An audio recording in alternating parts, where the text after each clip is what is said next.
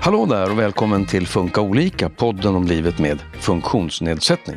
Trotssyndrom, eller ODD, är ett problembeteende som är vanligt vid ADHD. Ungefär hälften får också diagnosen trotssyndrom. Men vad är trotssyndrom och hur skiljer det sig från vanlig trots? Vi pratar med en professor i psykologi med stor kunskap om beteendeproblem och ADHD. Välkommen Karin Brocki. Tack så mycket. Professor i psykologi vid Uppsala universitet. Forskar bland annat om ADHD och beteendeproblem som trotssyndrom. Det stämmer bra. Ska också säga att mitt namn är Susanne Smedberg. Karin, vad är trotssyndrom eller ODD, Oppositional Defiant Disorder, som är den kliniska termen? Um, så det är ju en, ett av de syndrom som ingår i ett panorama av beteendeproblem kan man säga, där även uppförandestörning ingår. Och det kännetecknas då av olydnad, aggressivitet och eh, svårigheter att anpassa sig till sociala regler och normer. Eh, de här barnen har ofta mm, mycket starka aggressiva utbrott till exempel. Eh, att de reagerar snabbt och mycket med mycket negativa känslor eller negativ affekt. Hur kan det här beteendet visa sig? Alltså hur kan ett sånt här utbrott eh, se ut? Ja, men det beror ju ofta på vilken miljö barnet befinner sig i. Och det är ju just ett kännetecken för att man ska kunna få en diagnos, att problemen ska finnas i, i olika miljöer. Så att det inte är då något specifikt eh, i en viss miljö som gör att man mår dåligt i den miljön och eh, något som triggar fram eh, aggressiva utbrott, just i en specifik miljö, utan det ska finnas både i hemmet och i skolan till exempel. Och det är klart att det beror ju lite på vad som har hänt eh, och vad det är som triggar igång det här aggressiva utbrottet. Men det kan ju vara att i skolan Eh, om man får en tillrättavisning av sin lärare, att man liksom eh, börjar svära mot henne och eh, kasta stolar genom klassrummet. Eh, rusar ut i korridoren till exempel. Eh, hemma så kanske man får ett utbrott för att man inte får spela på datorn. Knuffar sina syskon och sina föräldrar. Eh, och även slag kan ju förekomma. Hur vet man att det handlar om eh, trotssyndrom och inte eh, vanligt trots, så att säga? Ja, det är ju eh, varaktigheten och frekvensen i beteendet som utgör ja, att det faktiskt är ett problematiskt eller avvikande beteende. Eh, för det är ju så att alla barn eh, visar ju någon typ av trots. Vi känner till till exempel trotsåldern, vi som har föräldrar, eh, som brukar förekomma ungefär vid två till tre års ålder. Och det är ju ett sätt för eh, barn att bryta sig fria från sina föräldrar, att visa sin egen självständighet. Ja, men som sagt, det är ju då när det, den, här, den här typen av trots då blir ja, för mycket och att det är någonting som stör i vardagen. Vid vilken ålder kan man eh, märka att det handlar om trotssyndrom? Ja, man kan märka det så tidigt som vid tre års ålder. Men eh, det är inte så vanligt att, eh, att det börjar då, utan lite senare i utvecklingen. Förskoleåldern, sena förskoleåldern skulle jag säga. Alltså fem sex års ålder ungefär. Men ju tidigare man visar på de här symptomen, desto sämre prognos är det ju för barnet. Så det är ju väldigt viktigt att de får hjälp tidigt så att man kan hämma då den här negativa utvecklingen. Är det något som ligger bakom det här beteendet? Alltså vill barnet uppnå något med den här trotsproblematiken? Alltså det som man vet eh, det är att de här barnen ofta föds med med ett speciellt temperament som kallas för svårhanterligt temperament inom utvecklingspsykologin. Eh, och det innebär att man eh, redan när de är små bebisar så kan man som förälder märka att de eh, inte är så nöjda. Alltså de skriker mycket och, och de är missnöjda på olika sätt. Eh, behöver mycket uppmärksamhet het. Och man märker också att de reagerar väldigt snabbt och eh, negativt på saker och ting som händer runt omkring. Och det är då en av orsakerna som man tror kan bidra till utvecklingen av trotssyndrom. Just att man har då en tendens att reagera väldigt starkt och negativt eh, och snabbt på det som händer runt omkring. Att man har alltså en tendens att tolka stimuli i eh, omgivningen som att det är någonting emot en själv. Som ett exempel skulle kunna vara att om ett annat barn i skolan råkar knuffa till det här barnet då som har trotssyndrom, så tolkar barnet med trotssyndrom som att det är någonting som är på flit och eh, då reagerar genom att vilja göra tillbaka. Och ja, vilja liksom hämnas då på det här barnet. Istället för att se, ja men det här kanske inte var riktat mot mig. Utan ofta är det så att de då upplever att det som händer runt omkring är någonting negativt som är riktat mot dem. Så det är ju en av de här bidragande orsakerna, att man har de tendenserna i temperamentet. Just själva diagnosen trotssyndrom eh, har jag uppfattat att den är lite omdiskuterad bland psykologer. Ja, Varför är det så? Det som ligger bakom det är att vi inte har tillräckligt mycket kunskap om trotsdiagnos. Eh, vi vet ju mycket, mycket mer om ADHD, dels för att det har pågått eh, forskning eh, om ADHD mycket längre och i större utsträckning än eh, vad det har gjort om trotssyndrom. Det finns inte heller lika tydliga behandlingsvägar och det är också förknippat med en en högre stigma än vad till exempel ADHD är i dagsläget. Så det är väl några av orsakerna som gör att då, eh, psykologer känner att de inte riktigt vet om en diagnos kommer hjälpa eller skälpa barnet. Hur ser det här stigmat ut? Det, är ju, det bottnar ju i att man inte har tillräckligt med kunskap och att man har massa förutfattade meningar kring hur de här personerna är. Att de är sin diagnos till exempel. Och det är ju någonting som är rätt specifikt för just psykiska diagnoser. Att man säger att man är deprimerad till exempel istället för att man säger att man har en depression. Till skillnad från fysiska diagnoser så man säger inte att man är cancer till exempel, utan man har cancer. Um, ja, och allt det där. Brist på kunskap och terminologi och sådär, det, det bidrar till att eh, det skapar förutfattade negativa uppfattningar om de här syndromen och psykiska besvären. Jag har förstått att det här är en eh, diagnos som är ganska vanligt förekommande vid ADHD. Ja, det stämmer. Hur vanligt är det att man också har trotssyndrom när man har ADHD? Ja, forskning visar att hälften av de barn som har en ADHD-diagnos också har eh, trotsproblematik eller trotssymptom. Eh, så att det betyder inte att de också har en Eh, en diagnos nödvändigtvis, utan de kan ha liksom, trots problem i olika utsträckning, i olika nivåer så att säga. För det är ju så att eh, både ADHD och trotssyndrom förstås bäst som dimensionella syndrom, vilket betyder att man kan ha de här problemen till, i, i, en viss nivå utan att man kommer upp då eh, i de nivåerna som krävs för att man ska få en diagnos. Och det kan ju också ställa till det, för att någon som då har ganska många symptom, men inte så många symptom som krävs för att man ska då komma upp i den här cut-offen för att få diagnos, de kan ju faktiskt behöva hjälp eh, i skolan till exempel. Eh, men att man då inte får det för att de diagnostiska systemen ser fortfarande ut så att de är kategoriska, ja eller nej, vilket inte stämmer överens med egentligen hur de här syndromen manifesterar sig, alltså beteendemässigt. Kan man enbart ha diagnosen trotssyndrom, alltså utan ADHD eller annan diagnos? Ja, det kan man absolut. Eh, det är inte så vanligt. Och det är inte så vanligt att man har bara ADHD heller, utan alla de här eh, eh, diagnoserna och beteendeproblemen, de eh, har ju en väldigt hög komorbiditet, eller samsjuklighet med andra problem eller diagnoser. Så att det vanligaste är ändå att man har flera olika diagnoser eller en diagnos och symptom på någonting annat. Eh, och det är inte bara utagerande problem som man kan ha, utan man kan även ha eh, internaliserande problem. Så att vi vet till exempel att de som har ADHD och trotsproblematik, eller en av de problemen, eh, också kan ha höga nivåer av ångest till exempel och nedstämdhet, men också andra typer av externaliserande problem, alltså att man då blir utagerande.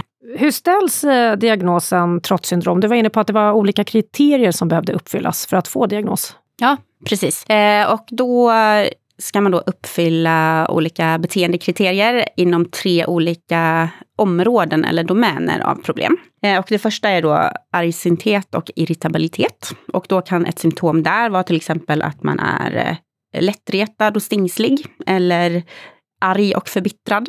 Eh, och ett annat sånt här beteendeområde då som man ska visa symptom på. Eh, det är att man då är, det handlar ju om trots då, det här argumentativa beteendet och trotsiga provocerande beteendet. Och det kan handla då om att man argumenterar ofta mot auktoritära personer. Man trotsar ofta aktivt mot Eh, eller vägrar följa regler i skolan eller fritidsaktiviteter. Och man har också en tendens att förarga andra med avsikt. Så att man ställer till det, alltså problem för sig själv och andra med avsikt. Och att man skyller på andra för sina egna misstag till exempel. är också ett sånt symptom som tillhör det här trotsiga eh, beteendeområdet. Eh, och sen det sista är någonting som kallas för hämndlystnad. Eh, och det betyder då att man ja, är elak eller hämndlysten vid flera tillfällen under den senaste tiden då, att man ska ha varit det. Och för att få en diagnos så måste man uppfylla fyra stycken av de här olika beteendekriterierna. Eh, och det måste ha förekommit i sex månaders tid och det ska finnas då i två olika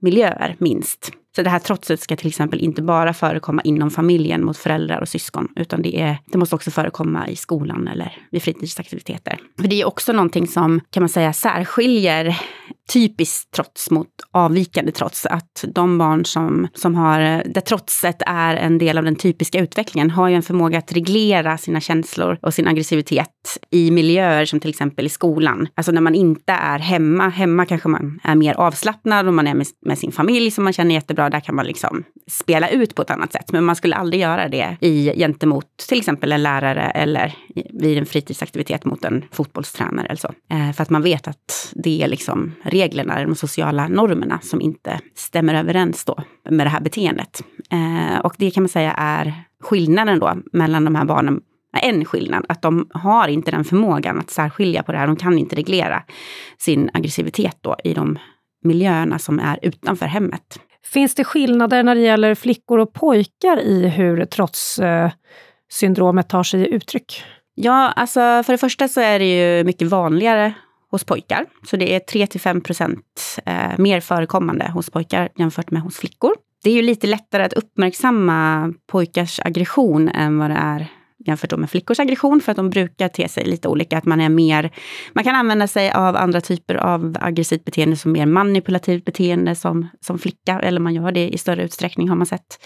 Och då är det ju mycket svårare att eh, upptäcka det, för det är ju inte så, det syns inte helt enkelt. Eh, men sen är det också så att en av anledningarna till att det är så stora könsskillnader är att de här beteendekriterierna passar nog egentligen lite bättre för att fånga upp då pojkars eh, aggressivitet snarare då än, de, än vad flickor, hur det ter sig hos flickor. Hur skulle en sån här manipulativt beteende kunna se ut då? Ja, men det kan ju handla om eh, utfrysning och sådana saker snarare än att man liksom går fram och slår till någon. Vet man vad trotssyndrom beror på? Eh, ja, men vi vet ju att det handlar om både miljöfaktorer och genetiska faktorer. Eh, och det är en ärftlighet som är så hög som eh, mellan 58 till 80 procent. Eh, och det handlar inte om då att man ärver själva eh, diagnosen från födseln, utan man ärver då en, en sårbarhet. Så att man då har en eh, större risk att utveckla den här typen av problem beroende på vilken miljö man växer upp i. Ehm, man har också sett att det finns förändringar i en gen som kodar för impulskontroll eh, och ökad benägenhet för sensationssökande eller att man söker efter snabba kickar. Vilket då gör att man liksom eh, reagerar på att man kanske då, man provocerar fram reaktioner hos andra för att man liksom vill ha den där, ah, det ska hända någonting. Eh, så där, det är ju förknippat då med, med en genetisk eh, förändring helt enkelt. Så det finns ju biologiska faktorer som påverkar, absolut. Men man kan inte koppla det här till både, bara en gen, utan det är flera gener som är involverade. Du nämnde miljö som en påverkansfaktor. Hur påverkar miljön? Precis. Eh, så vi vet också att den här typen av problem förekommer i större utsträckning i familjer som har det svårt på olika sätt. Att man är utsatt, kanske då eh, lever i miljöer som har, där det finns högre kriminalitet till exempel. Eh, så att det finns en, en koppling mellan liksom just att man är utsatt på olika sätt miljömässigt också. Hur kan det vara att vara förälder till ett barn som har trotssyndrom? Ja, men det är ju otroligt utmanande. Eh, och det är ofta just det här trotset som gör att eh, föräldrarna söker hjälp. Eh, det kanske inte är, ja, som jag nämnde förut, så är det ju då vanligt förekommande att man har både ADHD och trotsproblematik. Men det är ju det här trotset som är det tyngsta för familjen att eh, hantera. Och det är ju väldigt, väldigt svårt eh, för eh, föräldrar att veta hur man ska komma till rätta med det här. Eh, och det är också därför som eh, de behandlingsmetoder som finns riktar sig till att utbilda föräldrarna eh, och hjälpa dem att hitta olika strategier för att då försöka hindra det här trotset. Hur påverkas barnet självt av sitt beteende? Ja, men det medför ju ett stort eh, lidande för Eh, den drabbade individen. På så sätt att man, eh, det här aggressiva beteendet påverkar miljön på ett negativt sätt. Till exempel kompisrelationer, vilket gör att man kanske blir utfryst eller inte får vara med. Eh, och det i sig då kan ju förvärra det här trotset. Att man blir så frustrerad och man vet inte hur man ska bete sig i sociala sammanhang. Så det, det är ju också en del av diagnoskriterierna att trotset ska förekomma i så pass stor utsträckning att det får konsekvenser på barnets fungerande i vardagen. Så att det här trotset eh, stör barnets funktion i olika miljöer, till exempel i skolan, fritidsaktiviteter och i hemmet. Hur behandlas trotssyndrom? Ja, den eh, vanligaste behandlingsformen som finns, eh, det är ju då föräldraträningsprogram som går ut på att hjälpa föräldrarna att hitta Eh, egentligen positiva stunder varje dag med barnet. Alltså att det här är riktat, inriktat på att eh, relationen mellan barn och förälder ska bli bättre. För det är ju så att när det här negativa beteendet och trotset och aggressiviteten förekommer i så pass stor utsträckning som det faktiskt gör, så påverkar ju det såklart relationen eh, otroligt mycket. Det är ju svårt att ha en positiv relation med, med ett barn som oftast är arg eller trotsigt och kanske till och med slåss och slänger möbler både hemma och i skolan. Så att de här eh, programmen då, de som sagt går ut på att försöka förbättra kvaliteten på föräldrar-barn-relationen. Eh, och att man då ska hitta en eh, god stund varje dag, någonting positivt varje dag med barnet. Och det kan ju vara ett väldigt, en väldigt kort stund, men att man kanske gör någonting tillsammans då, som att laga mat eller ta en promenad. Eller, det kan vara väldigt enkla saker. Och att man då som förälder under, den, under de aktiviteterna ska försöka då vara positiv gentemot barnet och försöka eh, ge dem en positiv förstärkning. Ja, men alla barn har ju också positiva sidor, men de eh, kanske döljs mer, då, mer hos de barn som har trotsproblematik av just eh, det här aggressiviteten och trotset som förekommer ju i stor utsträckning. Förutom de här goda stunderna, är det något annat eh, som är viktigt att tänka på i förhållande till de här barnen eh, när det gäller beteendet, alltså hur man är mot dem? Ja, men precis. Så det gäller ju då att uppmärksamma positiva beteenden hos barnet som faktiskt då förekommer. Och det är ju det som kallas för positiv förstärkning. Och det är ju också eh, kopplat till eh, vad man har sett att de här barnen är extra känsliga för ja, men positiv förstärkning eller någon typ av förstärkning överhuvudtaget. Så att de är ju också extra känsliga för att få positiv förstärkning och faktiskt ta till sig det. Men sen gäller det också att eh, som förälder bemöta barnen med en acceptans och eh, krav som ligger i linje med vad barnet kan klara av. Eh, man kan också få hjälp med att bilda vardagsrutiner och struktur, vilket är väldigt viktigt. Gränssättning, ja, konflikthantering, att försöka kartlägga i vilka situationer som de här raseriutbrotten oftast förekommer till exempel. Och är det någonting då som man kan göra eh, för att undvika att de faktiskt ska hända. Det här begreppet lågaffektivt bemötande, mm. är det ett sätt att eh, anamma i förhållande till de här barnen? Ja, eh, jag skulle inte säga att man kan använda det som en strategi som funkar för de här barnen alltid, utan det gäller ju att sätta det i relation till nivån av det här utbrottet eller aggressiviteten som förekommer. Det är klart att om ett barn slänger möbler eller använder sig av andra redskap för att slå någon och så, så kan man ju inte bara Eh, svara med lågaffektivt beteende, utan då måste man ju faktiskt kanske sätta tydliga gränser och hålla i barnet kanske. Eh, men absolut, om ett barn eh, blir väldigt argt så hjälper det ju inte att en förälder skriker tillbaka och blir eh, ännu argare själv, utan det kommer ju bara förvärra situationen och förvärra, förvärra trotset. Men det gäller liksom att ha en eh, nyanserad, tror jag, nyanserat perspektiv på det där med lågaffektivt beteende och kunna bara använda det alltså med flexibilitet beroende på situationen och det här utbrottet då, vilken nivå det förekommer. Om man får hjälp som förälder eh, och familj, minskar beteendet då? Ja, men har sett att det finns väldigt goda eh, effekter faktiskt av föräldrastödsprogram eh, för barn mellan 4 till 12 år. Och att man har sett då att familjerelationerna blir bättre. Alltså man får mer positiva eh, relationer till varandra och barnets problembeteenden blir bättre. Om man inte får hjälp, går eh, beteendet över av sig självt i och med att barnet mognar till exempel? Eh, där finns det ju stora variationer skulle jag säga. Det beror ju på i vilken utsträckning som det här de här problemen förekommer. Men risken om man inte får hjälp, det är ju att förvärras snarare. Vi vet ju till exempel att de barn som då har en trots diagnos eller trotssyndromsdiagnos också har en större risk att utveckla uppförandestörning när de blir lite äldre. Eh, vilket ju är en, en svårare, ett svårare, ett svårare form av eh, den här typen av beteendeproblem. I och med att man då faktiskt eh, bryter mot samhällets regler snarare än bara liksom inom sin egen lilla miljö där man befinner sig i. Utan att man då kan börja med kriminalitet och, och våld på olika sätt. Så att det gäller ju, ju tidigare man kan sätta in hjälp, eh, desto bättre är det ju, för då kan man ju faktiskt bryta den här negativa utvecklingen. Utöver stöd till föräldrar, finns det också någon eh, behandling eller hjälp för barnet självt? Ja, det är ju framförallt föräldrastödsprogram som gäller fram till att barnet eh, blir 12 år.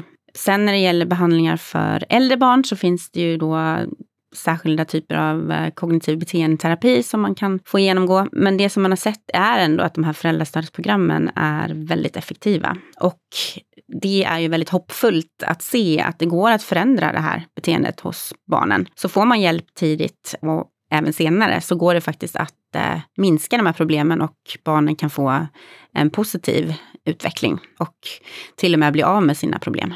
Och om man eh, behöver den här hjälpen, var vänder man sig? Ja, man vänder sig framförallt till BUP. Det finns även andra intresseorganisationer som till exempel Attention, där man kan få kontakt med andra föräldrar som också har barn med liknande problem. Och det är ju någonting som man sett är väldigt eh, uppskattat hos föräldrar, att man får prata med andra människor och föräldrar som faktiskt har upplevt samma eh, situation. För jag tror det kan vara väldigt svårt eh, för andra som inte har de här problemen i sin familj att förstå hur jobbigt det faktiskt kan vara och hur utmanande det kan vara för hela familjen. Och där säger jag stort tack till dig, Karin Brocki, för att du kom hit idag. Tack så mycket. Professor i psykologi vid Uppsala universitet. Du har lyssnat på Funka olika, en podd från Habilitering och hälsa som är en del av Region Stockholm. I nästa program tar vi reda på hur man bemöter och behandlar trotssyndrom och vi träffar en förälder och en psykolog. Missa inte det!